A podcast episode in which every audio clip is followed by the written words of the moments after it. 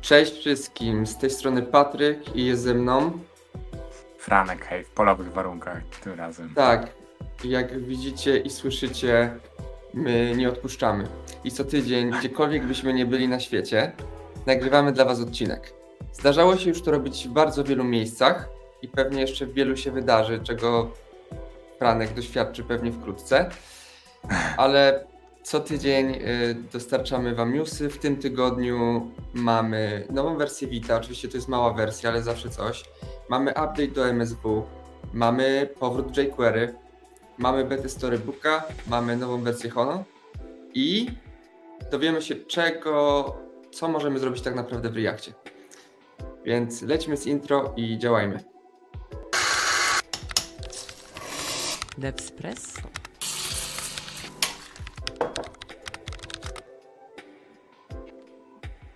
Tak jest. I otwierając e, WIT 5.1. E, Rozmawialiśmy sobie w listopadzie o WITie 5. E, Ostatnio kolejny, jakby to był jeden taki milestone, pojawili się w Espresso. Drugim jest to, że osiągnęli 10 milionów pobrań z NPM. Tak, i co się w tej wersji 5.1 dzieje? Kilka mniejszych rzeczy i jedna ważniejsza. Najważniejsze jest to, że pojawia się eksperymentalne Vit Runtime API. E, Jest to taki sposób odpalania Vita, gdzie możemy przepuścić przez wszystkie jego pluginy e, kod, natomiast nie jest to to samo co SSR Load Module, ponieważ jest to oddzielone od serwera.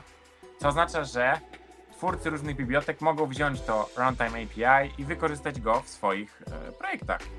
Wiem oczywiście, jak to jest z remixem, e, więc możemy się spodziewać, jak to będzie się dalej toczyć. Raczej Next nie spodziewam się, że przejdzie na, na Vita po tym, jak tyle zainwestowali w jakieś swoje rozwiązania.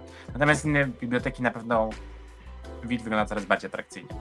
Oprócz tego kilka małych rzeczy, w tym lepsze wsparcie dla CSS URL. To jest dokładnie coś, co było przeszkodą w adopcji e, Vita przez Remixa, więc popracowali nad tym i chyba wszystkie problemy zostały rozwiązane, taka jest nadzieja. Um, usprawnienie wydajności są liczby, powiedziałbym, że coś w stylu mniej niż 10%, e, natomiast jest to ciągła poprawa, plus kilka małych poprawek, które są pod szczególne przypadki. Tam jedna, jedna rzecz była z Beautify, więc jeżeli używacie może tej biblioteki, to warto spojrzeć do changeloga i przeczytać sobie, co dokładnie tam się wydarzyło. Oprócz tego jeszcze jedna powiedzmy ważna rzecz, e, możliwość eksternalizacji wszystkich paczek, czyli e, trakto- traktowanie ich jako eksternal. Wid, jeżeli paczka była zainstalowana z NPM-a, tak, Board Node Modules na przykład, to traktował jako eksternal i nie była bundlowana do runtime'u, do klienta. Natomiast jeżeli była linkowana, czyli przypadek monorepo na przykład, no to e, ona była, była, była jakby traktowana jako internalowa. No i to jest czasami problem, bo w przypadku monorepo mamy tak, że mamy jakiś kod serwerowy, jakiś kod testów, rzeczy, których nie chcemy w paczce, więc można teraz to odznaczyć i wyrzucić e, powiedz temu, temu linkowaniu, w sensie temu bundlowaniu. Także fajna sprawa. No i ostatnia rzecz, e, taka też w sumie ukłon w stronę e, widzów, słuchaczy Devspresso, deprecation opcji ask import meta globe. Ja nawet nie wiem, co to jest, natomiast co jest tam napisane, i to wiem już, bo słucham Despresso albo nagrywam, e, że zastępuje to import attributes z nowego TypeScripta, czyli coś, o czym sobie rozmawialiśmy, możliwość zrobienia as JSON. No to tutaj ekosystem poszedł w stronę tego, co robi TypeScript, więc oni też rezygnują ze swojego rozwiązania i zastępują je, je, je tym import attributes. Więc to jest jakby ostatni news. W sumie tyle, jeżeli chodzi o Vita, bo Vit po prostu jest już stabilny. To jest trochę jak z tym TypeScriptem, o którym gadaliśmy tydzień temu, że jest na tyle stabilny i na tyle to fajnie wszystko wygląda, że zmiany są albo bardzo wyszukane i pokrywają jakiś przypadek skrajny, albo jest coś du- dużego, ale dopiero wchodzi najpierw do wersji eksperymentalnej i potem będzie się przewijać przez kilka wersji, tak jak to Runtime API. Dobra, e, Patryk, oddaję głos e, Tobie. E, Tak, mamy MSW wersji 2.2. Dla tych, którzy nie wiedzą, czym jest w ogóle MSW, jest to mm, taka biblioteka, której używa się nie tylko przy testach, bo też przy dewelopowaniu, ale służy do mokowania requestów. Ona nazywa się chyba Mock Service Worker, bo mm, po stronie klienta tam używa Service Workerów w przeglądarce. E, Wiadomo, testy tam jest Node. I tutaj mamy bardziej update testowy. Mianowicie jest to feature, który był oczekiwany bardzo długo ale który z różnych powodów nie mógł być dodany, czyli półbieżne, chociaż to słowo po polsku dziwnie brzmi w tym przypadku, testy, e, nierównoległe, jakby to są dwa różne terminy. E, równoległe testy w przypadku MSW były takie, że macie zestaw testów, swój główny i macie ich wiele i one mogły być po prostu puszczane w tym samym czasie powiedzmy, tak?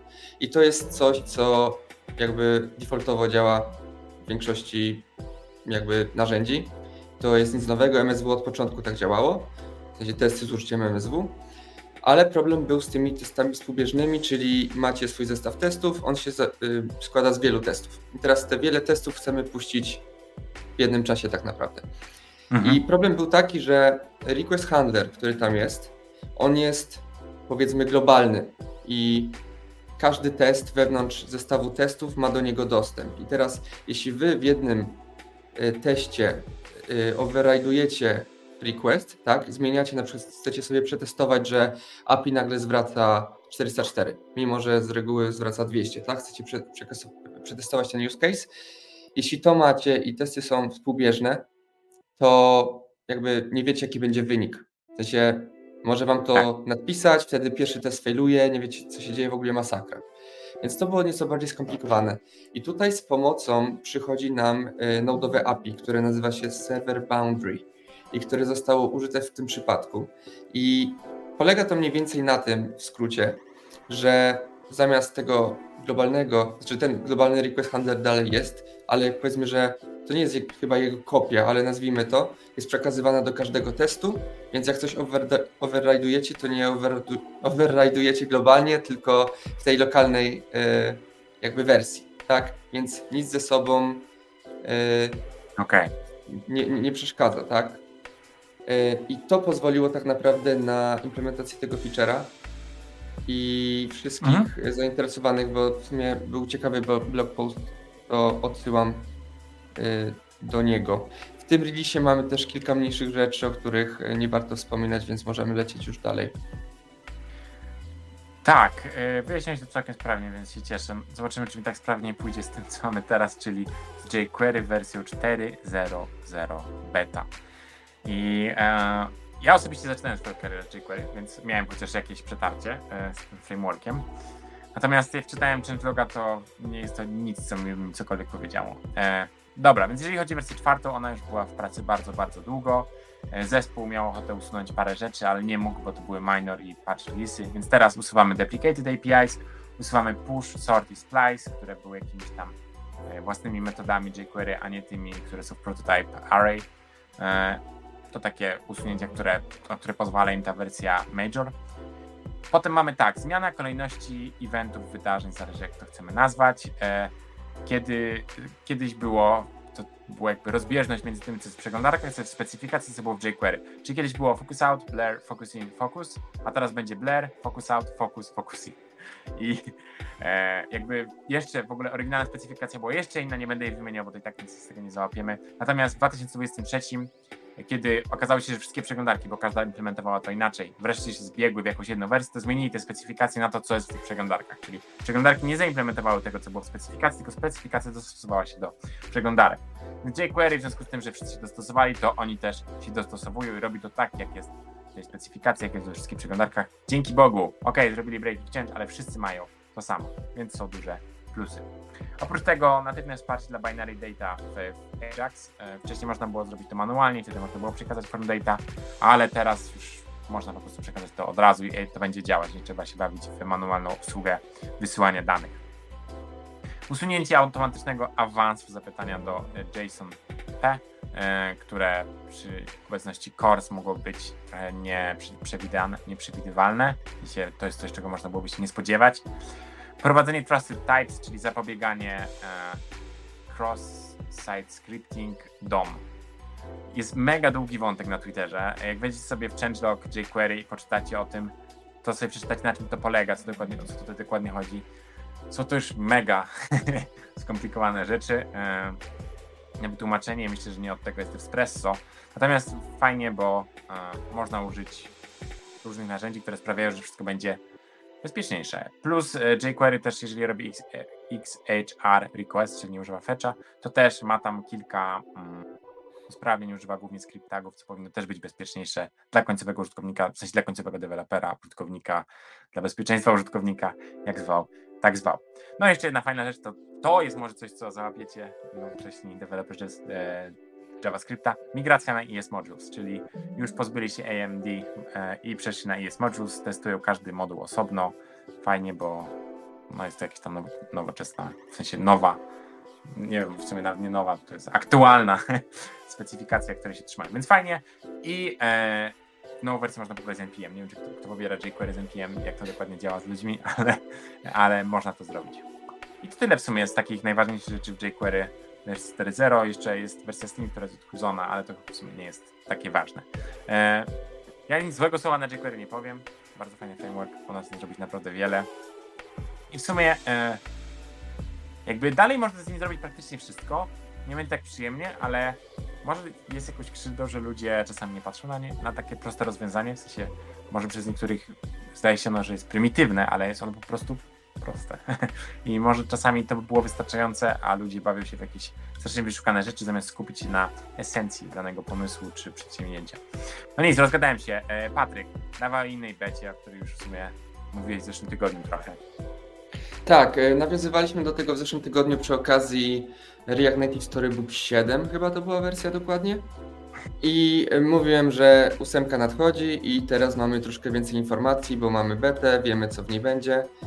I co mamy? Mamy coś, co jest już kontynuacją tego, co było, czyli poprawki do kompatybilności i do wydajności.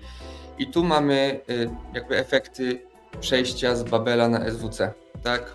Jest szybciej. Mhm. To była jedna z bolączek używania Storybooka przy większych projektach, że to po prostu było mega wolne.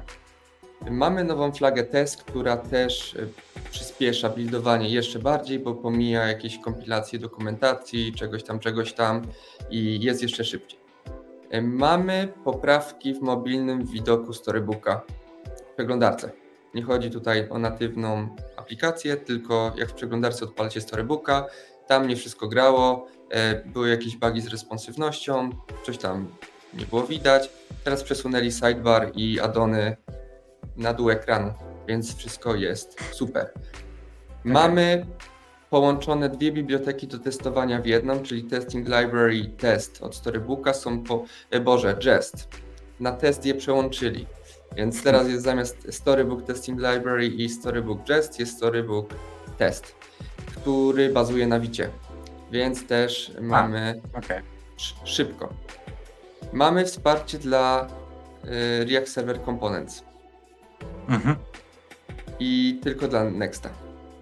Więc. Y, mhm. Tak, y, ale przyglądają się na przykład Waku jeszcze. W sensie, czy to, co zrobili, zadziała jeszcze w Waku. O Remixie nic nie wspominali, ale w Remixie chyba jeszcze tego nie ma. Nie, nie ma Więc, Tak. Więc coś y, dla tych, którzy chcieli to zawsze mieć i teraz mają taką możliwość używania. Mamy usunięcie per dependencji Reacta ze Storybooka, które było dla wszystkich frameworków, czyli jeśli używałeś Vue, miałeś dependencji Reacta, jeśli chciałeś Storybooka. I chyba to wkurzało wiele osób, bo to usunęli. Mnie wkurza. Wprowadzi... Na sam, tak. na sam, jak tylko słyszę, to już mnie wkurza, więc myślę, że tak. Tak. I oni to wprowadzili w poprzedniej, siódmej wersji, no i w ósmej już się wycofali, tam coś musieli pokombinować z bandlowaniem, z czymś tam, z czymś tam i udało się e, to usunąć. E, mamy jakiś mały update paczek e, i w zasadzie to wszystko, więc wszystkich użytkowników Storybooka narzekających zachęcam do przetestowania bety, bo może Wam poprawi humor. Wasz experience. Humor też. Hmm. Tak, ja powiem tak, że jak to się mówi, w, komentatorce jest tak się mówi, że jest tak, klątwa komentatora, tak, że wspomnisz o kimś, że dobrze gra i wtedy on robi błąd. E, tak, w wielu sportach jest to obecne. No myśmy wspomnieli o tym, że jest React Native Storybook 7 i że robią wszystko, żeby nadgonić. Jak grom z jasnego nieba spada wersja 8 beta, żeby nie mieli nawet minuty wytchnienia, więc e, cóż, mam nadzieję, że właśnie tak, w kontekście ostatniego odcinka, że uda im się utrzymać tempo i, i też niedługo wejdą w betę i wypuszczą nową wersję. e, wkrótce. Tak, e, z nowych wersji e, Honor w wersji 4.0. Honor w ogóle to jest taki projekt, który trochę ostatnio przebija się do mainstreamu i wygrywa z konkurencją, nazwijmy to. Mm, służy do pisania API, jest w sumie odpowiednikiem Expressa, ale jest dla wszystkich e, runtime'ów, czyli można go odpalać w Cloudflare Workers, można go odpalać w Dino, można go odpalać na banie. No, gdzie sobie nie wymarzycie, tam możecie go odpalić zasadniczo. Mm, No i oni aktywnie działają nad tym, żeby być jakimś czymś więcej niż tylko e, bardzo podstawowym e, API request, odpowiedź i middleware. Jest tego więcej i w tej wersji pierwsza rzecz, Static Site Generation, można mm, robić, u, używać pluginu Hono Vit SSG, który pozwala tworzyć statyczne strony z użyciem komendy Vit. Czyli no, mamy coś, co jakby jest motywem przewodnim trochę tego odcinka, czyli Vit pojawia się w innych miejscach i troszeczkę tak wchodzi pod skórę każdego pojedynczego e, frameworka.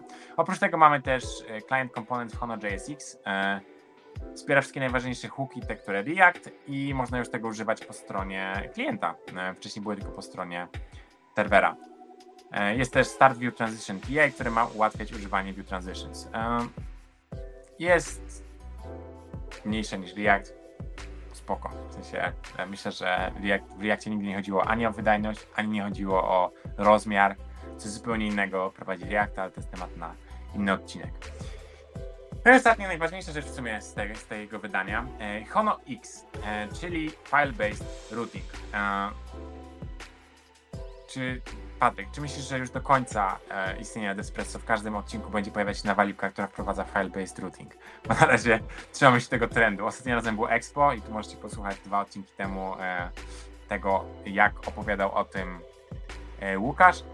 A tym razem mamy Hono, które też wprowadza właśnie mm, file-based routing. E, można już poszaleć, to znaczy oni zapowiadają, że możesz robić aplikacje w stylu Nexta. E, mamy super szybki SSR, mamy e, Bring Your Own Renderer, Bring Your Own Renderer, tak, że nie musimy używać Hona JSX, możemy używać, nie wiem, Reacta, cokolwiek potrzebujecie albo uważacie za stosowne.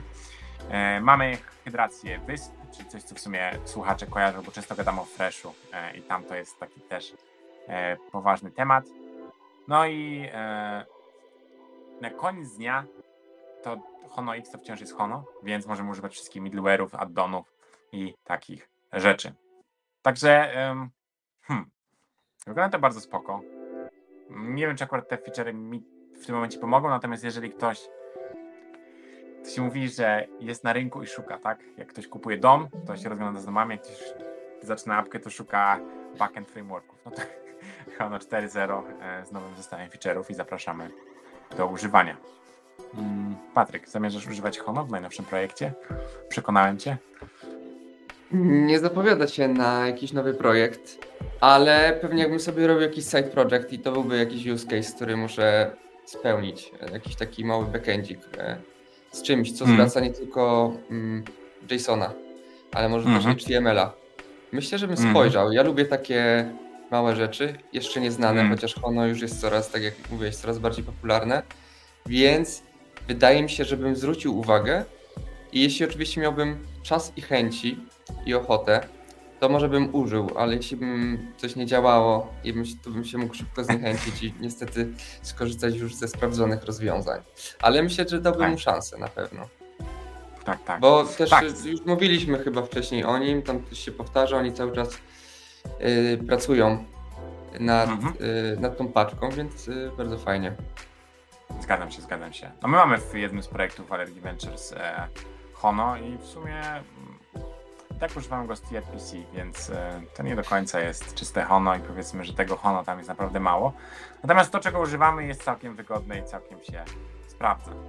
E, powiedziałem, że jest to, jest trochę zabawy, ale prawdziwą zabawę to mieliśmy dzisiaj przed nagrywaniem odcinka.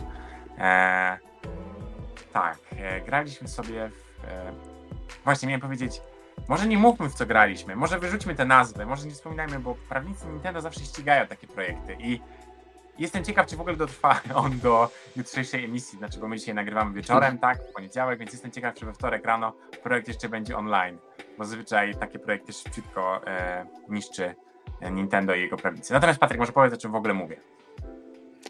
E, tak, e, mówimy tutaj o Mario Karcie, przeglądarce, czyli jakby mm, mamy tutaj dowód, do czego zdolne są toolsy e, współczesne, Mhm. jeśli chodzi o development, tak? Jakby przeglądarka to nie tylko są formularze, które wszyscy pewnie klepiemy, ale da się też robić super rzeczy i jesteśmy w stanie zrobić już grę tak naprawdę w przeglądarce.